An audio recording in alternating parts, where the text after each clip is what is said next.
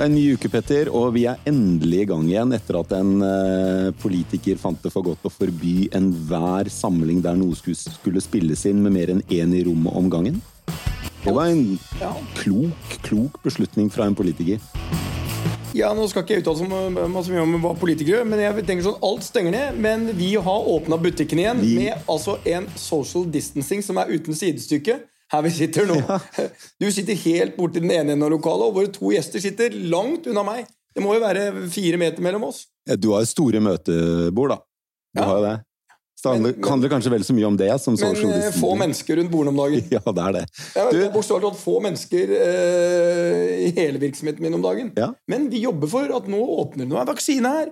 Så jeg er faktisk mer optimist nå enn jeg har vært noen gang siden eh, slutten av februar. Det går mot lysere tider. Definitivt. Og de lysere tidene de heter Pfizer, Moderna, eh, Biontech, AstraZeneca, Johnson Johnson. De kommer jo som perler på en snor her nå. Du, senere denne uken så har vi en eh, pod til. Fordi for noen uker tilbake så intervjuet vi eh, en eh, venn og fantastisk fin person. Stig Beck, i, eh, som begynner som partner i advokatfirmaet Bar ganske, nei, unnskyld, Wiersholm ganske snart. Han har eh, sin historie fra Bar. Eh, hvor han snakker om en ganske, Han har en ganske spesiell historie å fortelle.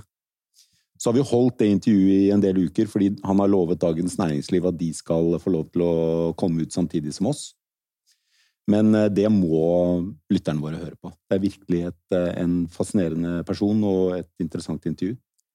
Ja, jeg tror kanskje det er det viktigste intervjuet vi har gjort siden vi starta denne poden, og definitivt et av de sterkeste. Mm. Vi har eh, denne uka først, så skal vi ha en pod om eh, aksjemarkedet, finansmarkedet, og jeg må jo si det føles jo som om alle rundt meg er i ferd med å bli søkkrike. Eh, jeg, jeg håper, det, det, Du- du har litt den samme følelsen. Include me out, det er riktig å si akkurat. Ja. Men, jeg, men jeg ser følelsen din, ja. Fordi det, det ene selskapet etter det andre går på børsen, til fantastiske kurser, gründere som knapt har rukket å bli kvitt kvisene sine, er verdt 50 millioner kroner over natta. Det, det går veldig bra for en del selskaper, særlig innenfor software og grønn teknologi. Eh, Blant annet. blant annet. Men du har vel ikke, det er ikke sånn at du fristes liksom, når du ser Norwegian går eh, 70% at tenkte det kanskje jeg skal satse pengene mine på. Nei, det- hvis om noe så skulle jeg shorta Norwegian for alt det var. Det er jo, prisingen av det selskapet er jo galskap.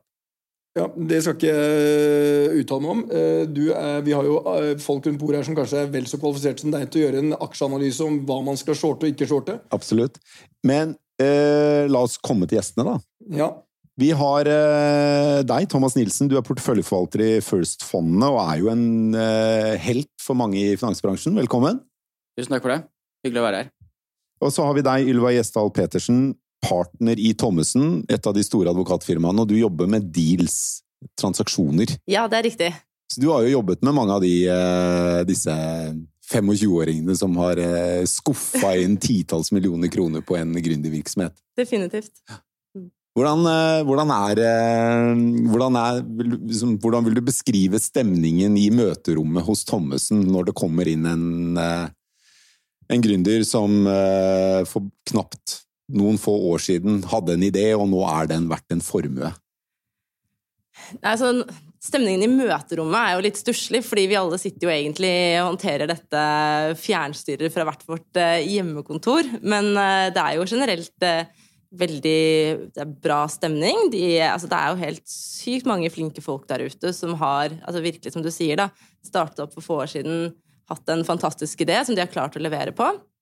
Eh, De jobber bra sammen med investeringsbankene og liksom blir fort liksom børsklare, da, er noe av det vi har sett. Så det er eh, utrolig kult. Så det er vel god, god stemning, er, eh, er det riktig å si, selv om vi ikke sitter så mye fysisk sammen i Det er god stemning selv på Teams. Eh, Men, men er det, det Jeg husker jo så vidt tilbake til dotcom-bølgen eh, og den euforien som var den gang, og, og den ene mangemillionæren etter den andre som poppet opp på hvert gatehjørne omtrent. Er det en lignende situasjon nå, eller er det annerledes denne gang? Dotcom-bølgen var før min tid. Det er, så jeg, 2000, nå er vi, ja, det er vel 2003 nå? er det? Dot com, dot gikk, og det var dot. ja. Eh, Thomas, du som har historien her. Dotcom, var det 2003 eller noe?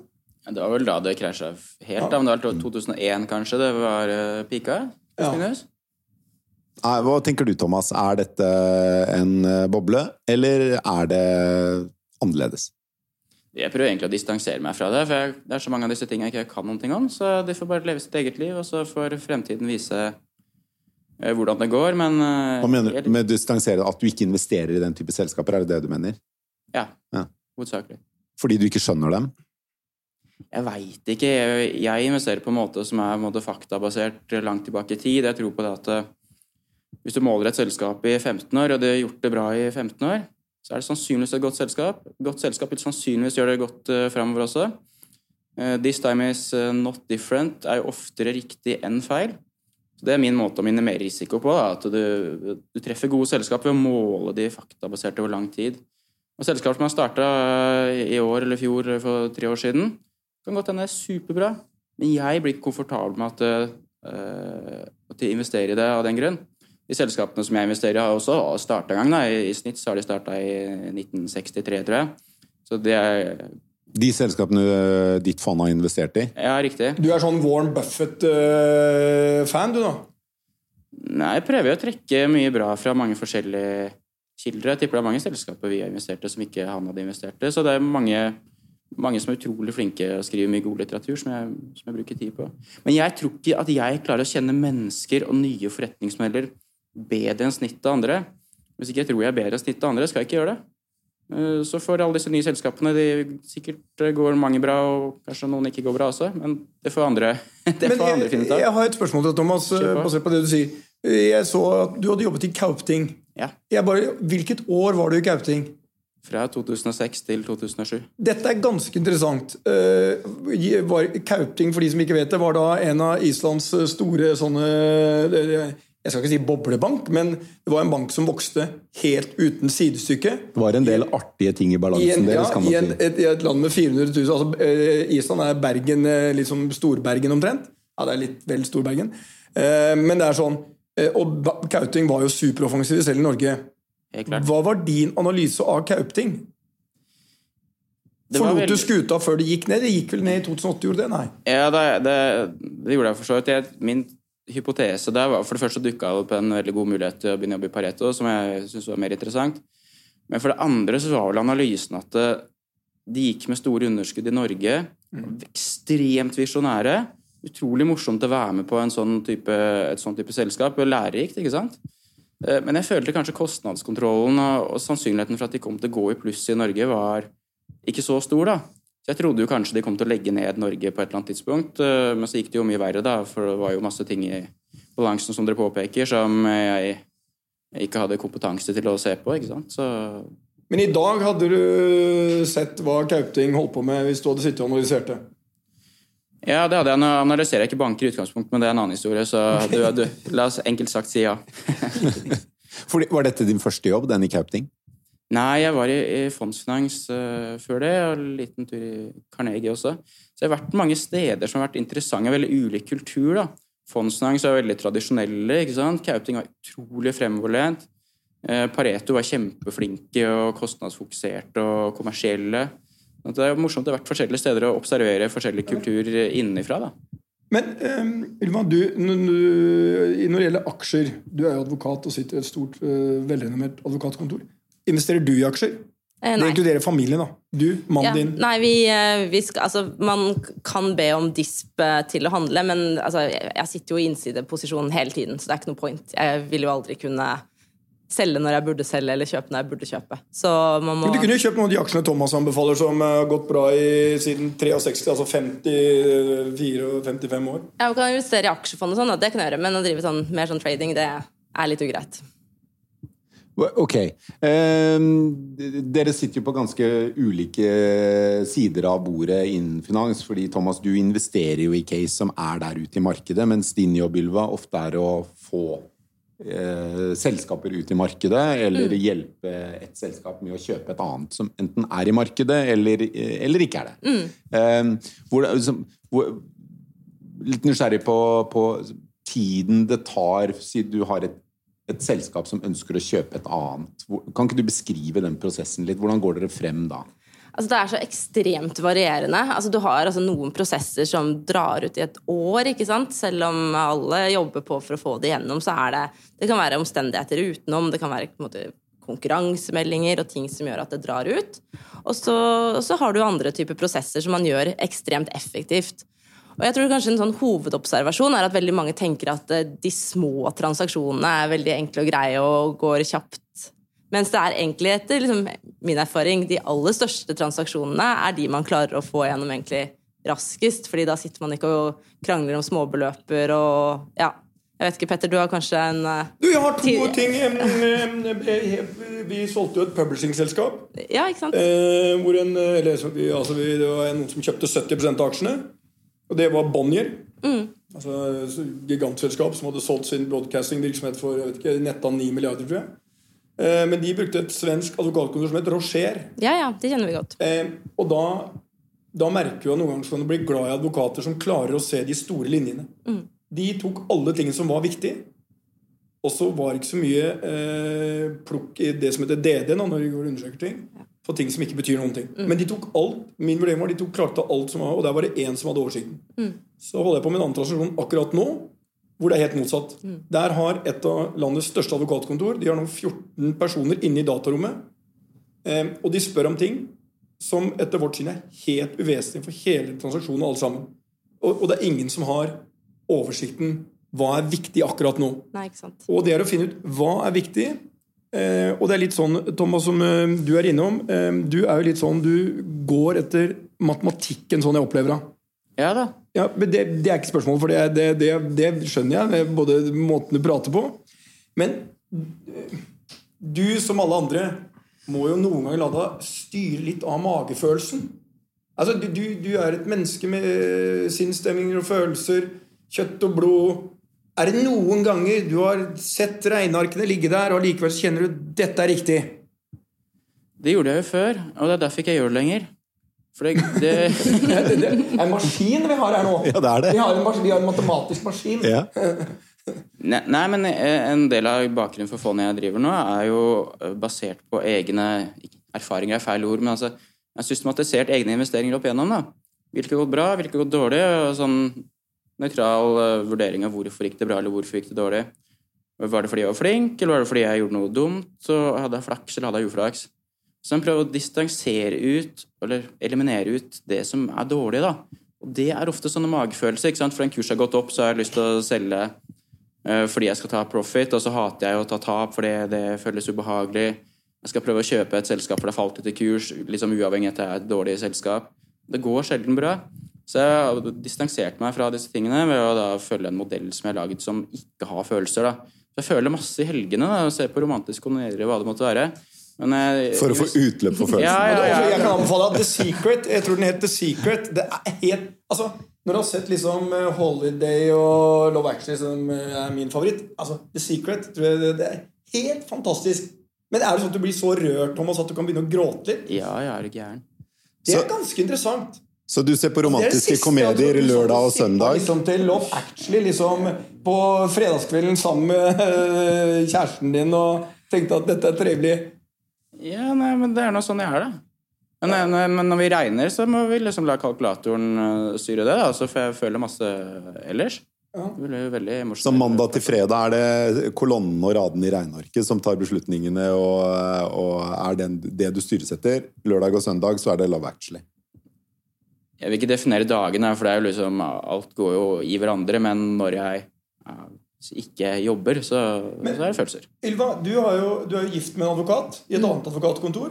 Klarer dere å trekke et klart skille mellom eh, jobb og privatliv? Dere, dere er hjemme, to små unger, litt kaos, ikke noe hjelp i huset. Eh, det er mye som skal gjøres. Hvordan er livet deres liksom, fredag? Er det Love Actually og Holiday og eh, sitter og eh, koser litt her sånn mens unga sover søtt? Ja, altså, altså man er vel enten, enten så er det en av oss som må jobbe, og da er det en av oss som må jobbe. Men uh, vi prøver jo, og det er jo Når det endelig blir fredag, så må jeg jo si at jeg syns det er deilig å ta seg et glass vin og enten lage noe god mat eller slenge seg i sofaen og se på et eller annet. Oh, ja, du er, men du er en av de som tar ett glass vin? nei, nei, altså start, starte med ett Ja, glass. ja. Ett om gangen. Et om gangen. tok ett glass vin en fredag kveld. Nei, nei, starte med ett glass. bare- Ja. Ok. Kom igjen. Jeg, eh, Nå skal, nå skal Per prøve å eh, samle dette tilbake til temaet. Jeg syns Ja, det er hyggelig å prate om kjærlighet Du, og privatliv og unger og det er kjempehyggelig. Jeg Men jeg mener har jeg er veldig glad for ikke jeg har de der to små barna som Ylva har. Lyst skulle knytte det litt til uh, nyhetsbildet også. Uh, for jeg lurer på, Thomas eh, av, av alle de selskapene som er kommet på børs uh, det siste halvåret Det er, jo en god del, og særlig innenfor tech har det jo kommet mange. Og bærekraftcaser har det jo også kommet mange. Er det ett som, som har pirret din nysgjerrighet, og som du har sett på og tenker det der kan være noe? Nei. Ingen av dem? Jeg bruker ikke tid på det. Jeg må liksom kanalisere tiden dit jeg kan eh, få noe ut av det. Og, altså, det kan godt komme selskapbør som har en lang historikk. Altså, vi investerte investert i f.eks. Uh, Fjordkraft, da, som eh, kom på børs 2018. Men, så det er veldig kort historikk, men det har eksistert siden 2001. Men de som har kommet nå, så, så er det ingenting jeg bruker tid på det.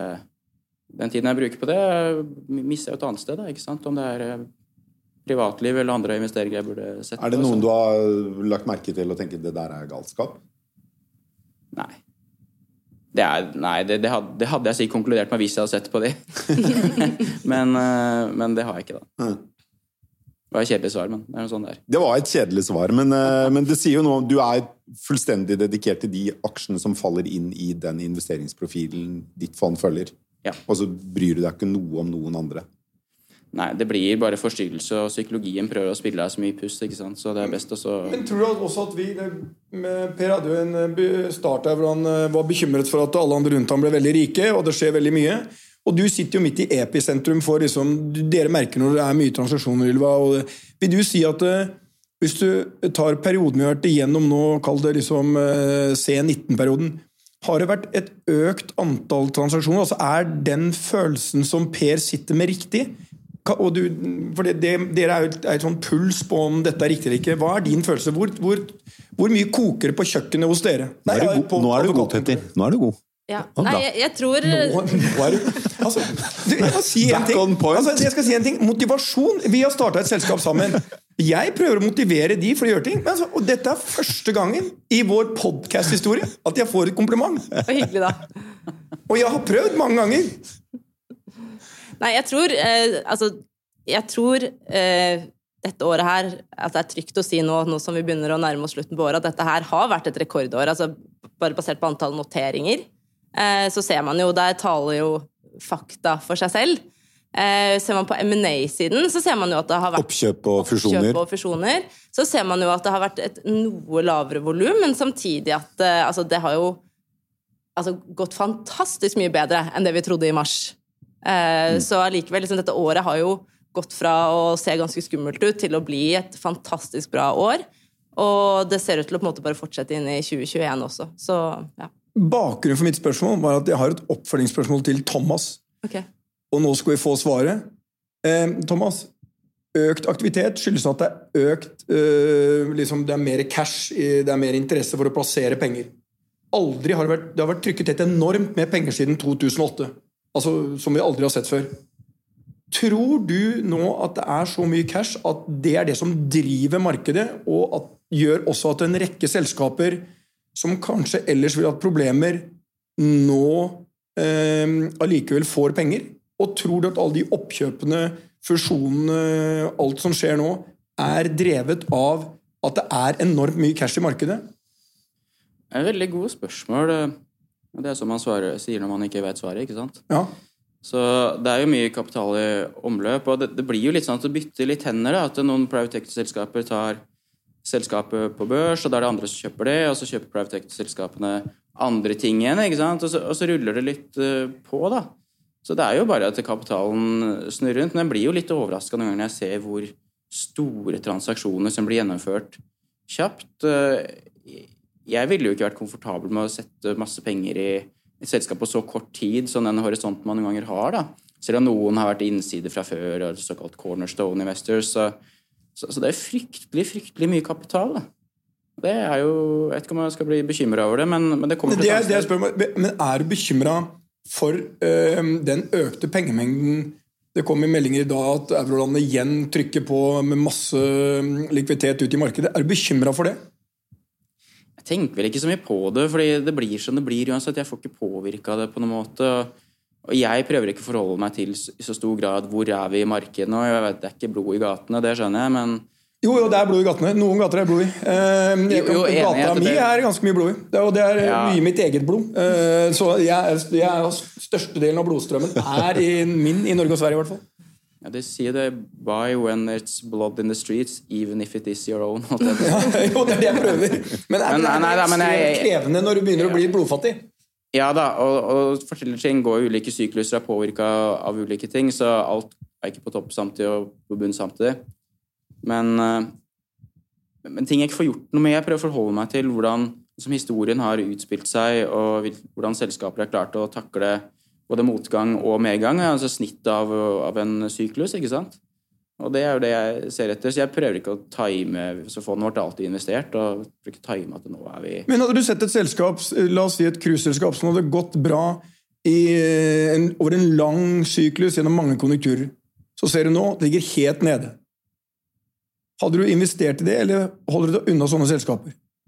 Jeg syns ikke så mye om ting, da. Men hvis jeg hadde sett på utviklingen til cruiserederier gjennom f.eks. finanskrisen, så ville den slått ut i min modell på at de hadde hatt en veldig stor marginvarians. Altså at de er eh, sårbare, da. Og, det vil, og derfor måler jeg da 15 år Eller det er ikke tallet 15, men det er tilbake fra før finanskrisen for å få med en reell konjunkturnedgang, ikke sant. Så derfor så jeg, Det er ikke at jeg ikke vil investere i det, men, men jeg straffer selskapene for det. da. Og det som skjedde nå, er jo sånn som Hennes Maurits sa jo at uh, hadde de ikke så tøft i finanskrisen, de hadde det tøft denne gangen. Der bomma vi. Det ble en ok investering finansielt, men uh, Hennes Maurits tapte jo masse, masse, masse penger. Uh, sånn at det er jo ikke noe vi liker, og det var en bom. Så i, når du modellerer aksjekjøpene i First-fondene, så er en av de som, sjekkpunktene på den listen over hva dere skal investere i, er stabile marginer over en konjunktur. Ja, det er ikke bare Det er jo mer si, definert enn det. altså det Marginvarians tilbake til 2006. så Vi får de en score på alle selskapene som vi vurderer opp mot hverandre. Jo lavere marginvarians, jo bedre er det for alt annet like. Jeg skjønner at noen ting kan være påvirka av syklus, også, men, men det er sårbart at plutselig marginene faller fra 15% til 0 eller til minus 5. Da. Hvis den faller fra 15 til 12, så er vi mer så- Så er det mer Thomas, her falt halvparten av våre lyttere av. Uh, Ja, men, men vi må tilbake til uh, bokstavelig talt ikke kjærlighetslivet, men uh, livet. Ylva, ja, sånn, det, hvorfor, tenk å ha et børsnotert eller et advokatkontor. For det er, det, sannheten er jo sånn når du i stad bekrefta at det jo nå koker det ordentlig hos oss, skjer mye, så er det jo slik at et advokatkontor det koker når det er bra, for da er det mye som skjer. Og når det, går til hel når, det ikke går, når det går dårlig, da koker det like mye, for da må de samme advokatene rydde opp. Så de som var med og satt der og gjorde DD for oppkjøpene, når det går ned, så må de være med Kanskje litt forskjellige advokatkontor, da. Da kommer konkursadvokatene. Nei, men da, da gjør man DD på, i forbindelse med restrukturering istedenfor. Så vi har sånn sett en ganske bra forretningsmodell som, eh, som eh, ja, men dere er som et sammenklag. Dere deler ut alle penga til eh, Er du partner? Jeg er partner. Ja. Det er fint å være partner av den størrelsen eh, på liksom et kontor. Ja, det er bra, det. Ja, Hvor bra har det vært for deg? Eh, nei, dere får det, Tallene kom, kommer, vel ut om et år, gjør det ikke det? Så dere får ta en titt. eh. Men jeg tror det blir veldig spennende å se. faktisk. Jeg tror det har vært stor variasjon eh, blant advokatfirmaene det året her som har vært. Jeg tror det har gått bra for veldig mange av de største, og så tror jeg det har vært utfordrende for noen av de mindre eller, eller mellomstore, som er måte mer avhengig av volumer. Vi begynner å nærme oss uh, slutten her. Du ler du, Petter. Du, du, du- var det, var det koffertkommentaren din du gjerne ville Nei. skulle få litt mer oppmerksomhet, eller var det Jeg venter på din oppsummering. Eh, Thomas, hvis du, vi har mange unge lyttere. Eh, mange av dem er interessert i å investere i aksjer. Hvis du var si du er student på BI, og du har eh, satt av litt av studielånet eller jobber på spreng, så du har en del å investere i. Du har 100 000 å kjøpe, og du skal kjøpe aksjer, ikke fond. Det er et kjedelig svar. Så du må kjøpe aksjer. Kjøpe én aksje. Hvilken aksje bør han eller hun eh, kjøpe da? Jeg må gi noen sånn disclaimers, men jeg kan si den største enkeltaksjen i vårt fond er Bouvet. Bouvet, ja. Så det må sånn ryddes Det er et. IT-selskap, er det ikke det? IT-konsulenter. Ja, stemmer. Og hvorfor bør de kjøpe i det selskapet? Ja, for de har en utrolig god kvalitet, i hvert fall på den måten jeg måler det på. En, en lav risiko også på den måten jeg måler på. Gjort det fantastisk gjennom mange, mange mange år. Og, og jeg prøver ikke å mene noe om fremtiden, men jeg tror ikke digitalisering blir noe mindre viktig, i hvert fall. da. Sånn at det, det er ikke noe der som ser, at, ser ut som det skal bli noe Kodak heller, så, så da må det bli tipset. Og stabile marginer er en nøkkel her. Absolutt.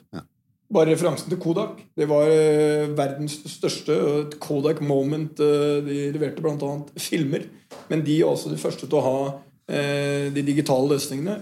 Men som sa styret nei til å ta det, for de ville konkurrere med filmrullen deres. var ikke det? Ah, sier du det? Ja, det er sikkert riktig. Ja. riktig. Fordelen er at De ville jeg ikke- er 50 Vil ikke begynne med sånn 40. tull som digitalkameraer, for de solgte jo så mange filmruller. De, de vil konkurrere med deres eget uh, verdensledende filmrull. Det er the Kodak moment. Det, ja, det Kodak Moment var når de tok bilde, da.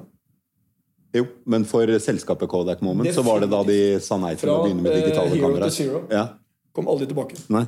Men eh, ja, hvis du hadde vært bare student i dag, Ylva, du kan få samme spørsmål, og du hadde to muligheter Du kunne kjøpe deg en bolig til 10 millioner, og banken har vært villig til, eller si til 5 da, og banken har vært villig til å låne deg eh, 3,5 av de. Du hadde halvannen million i egenkapital. Ville du da kjøpt den og visst at du ville klare å betale renter og avdrag, eller ville du brukt de pengene i aksjemarkedet? Jeg ville gjort det siste. Fordi det å eie en bolig er jo ikke noe med kompetanse å gjøre. Jeg skjønner ikke hvorfor noen skal klare å eie en bolig bedre enn andre. Eller bruk eh, Prøv å gjøre et eller annet du er bedre enn snittet på, og du er flink til. da. Vær ærlig med deg sjæl og, og liksom gjør jobben. Så tror jeg den kapitalen vil jobbe bedre for deg. da. Og så er det veldig sånn, i hvert fall jeg følte på at Hvis du ikke eier en bolig, så er du utafor. Men vet du, du kan eie mange andre ting som er bra finansielt. Eier ikke du bolig, Thomas? jo, jeg, det har blitt sånn, da. Sånn, men jeg føler at jeg relativt godt eh, posisjonert på andre måter også, så jeg tror du skal prøve å gjøre et eller annet der du kan skape en forskjell fordi du er bedre enn andre, da. Og det tror jeg ikke. Jeg tror ikke engang noe bedre til å eie en leilighet eller noen ting. Så hvorfor skal du bruke pengene på det? Ylva, for du hadde ikke noe valg når jeg tenkte meg om, for du kan ikke investere i aksjer. Eh, Du kan sannsynligvis ikke engang nesten gå i fond, så for deg ble det bolig. Det ble nok bolig, tror jeg, ja. Har det vært bra? Eh, ja, det har jo det. Men jeg angrer jo sånn selvfølgelig liksom nå på at jeg solgte eh, min lille 50 kvadratmeter i, i Vika jeg hadde sånn Når solgte du den?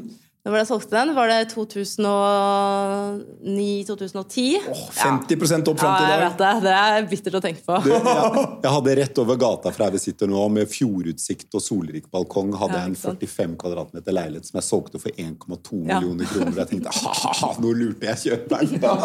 Jeg var helt sikker på at det var en kjempepris, og i dag er den verdt 5 millioner eller et eller annet sånt. Det er forferdelig å tenke på. Det skulle Men eh, hadde du hørt på Thomas? Gjør det du er god på. Ja. Åpenbart ikke god på det. Åpenbart ikke god på eiendomskjøp. Og hatt langsiktsperspektiv, hadde bare sittet. Og ikke har jeg børsnotert et IT-selskap i det siste heller, så jeg er ikke så god på det heller. Nei, men du er ganske god i podden.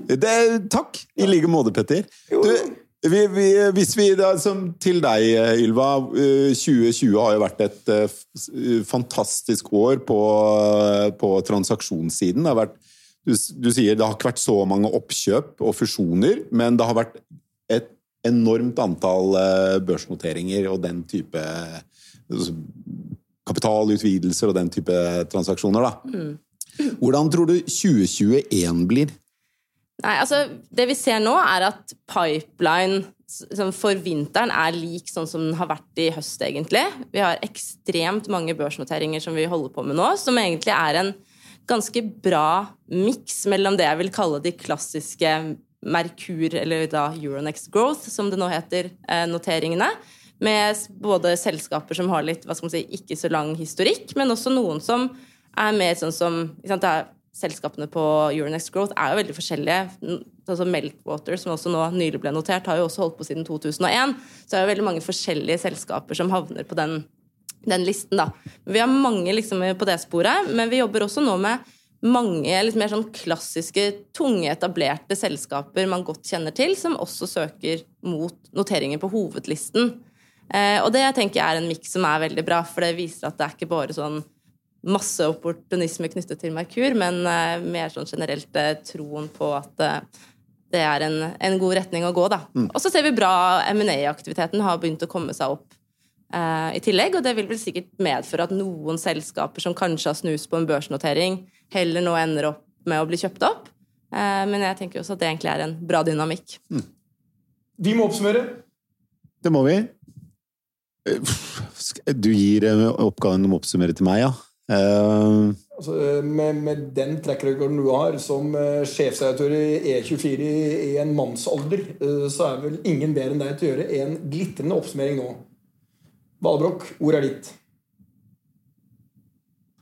Jeg tror at altså, Som dotcom-bølgen så var det jo en underliggende stor endring i hvordan verden er skrudd sammen, som er drivkraften for den voldsomme Eh, aktiviteten på Greentech og SAS-tech og hva det heter alt sammen. Så jeg tror at eh, det er ikke en, er ikke en boble vi står oppe i den forstand at veldig mye av, av det som går på børs og kjøpes og selges nå, ikke har noe for seg. Det er et behov der ute for den type produkter og teknologier. Um, men jeg, jeg, er kanskje mer skeptisk til om for mye av det er drevet av det enkle faktum som du var inne på tidligere, at mange av transaksjonene er drevet frem primært av uh, at, at, verden bader i cash. Uh, og at det kan bli utfordrende hvis og når uh, renten skal opp igjen.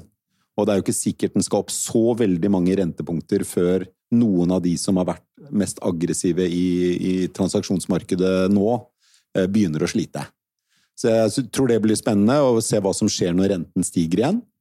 Eh, men jeg tror ikke vi står overfor en sånn kjempesprekk i et boblemarked. Det tror jeg ikke. Hva tror du, Petter? Jeg tror rådet fra Thomas er meget klokt. Gjør de tingene du skjønner deg på. Eh, gjør det du forstår.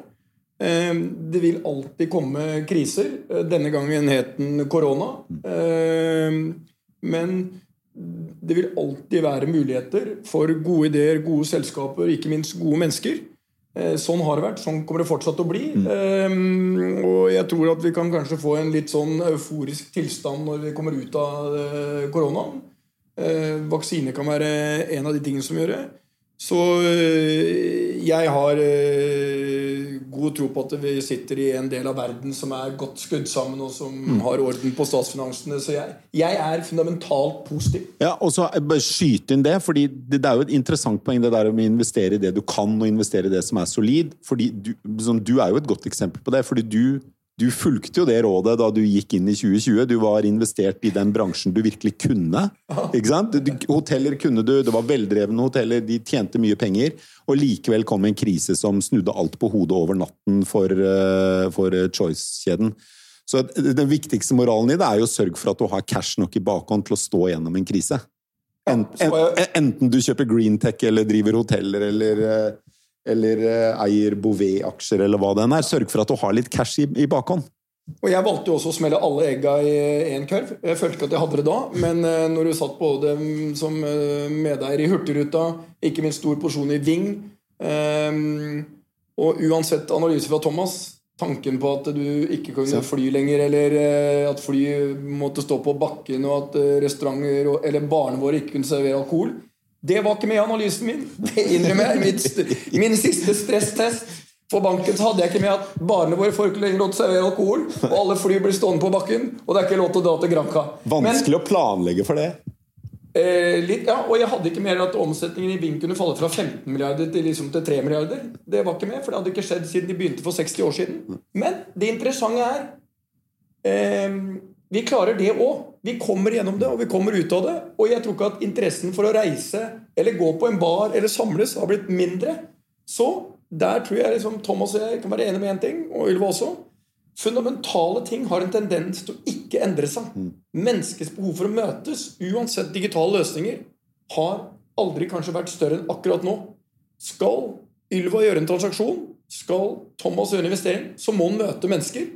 For det er mange ting du ikke får med deg når du sitter på den skjermen hjemme på loftsleiligheten eh, og tror du får med deg alt. Du gjør ikke det. Nei, og Det har vi jo ikke snakket så mye om, men en viktig drivkraft for eh, mange av disse selskapene som er digitale, som har blitt børsnotert nå, det, det har jo nettopp vært det at det har vært teknologier som er, har erstattet fysiske møter.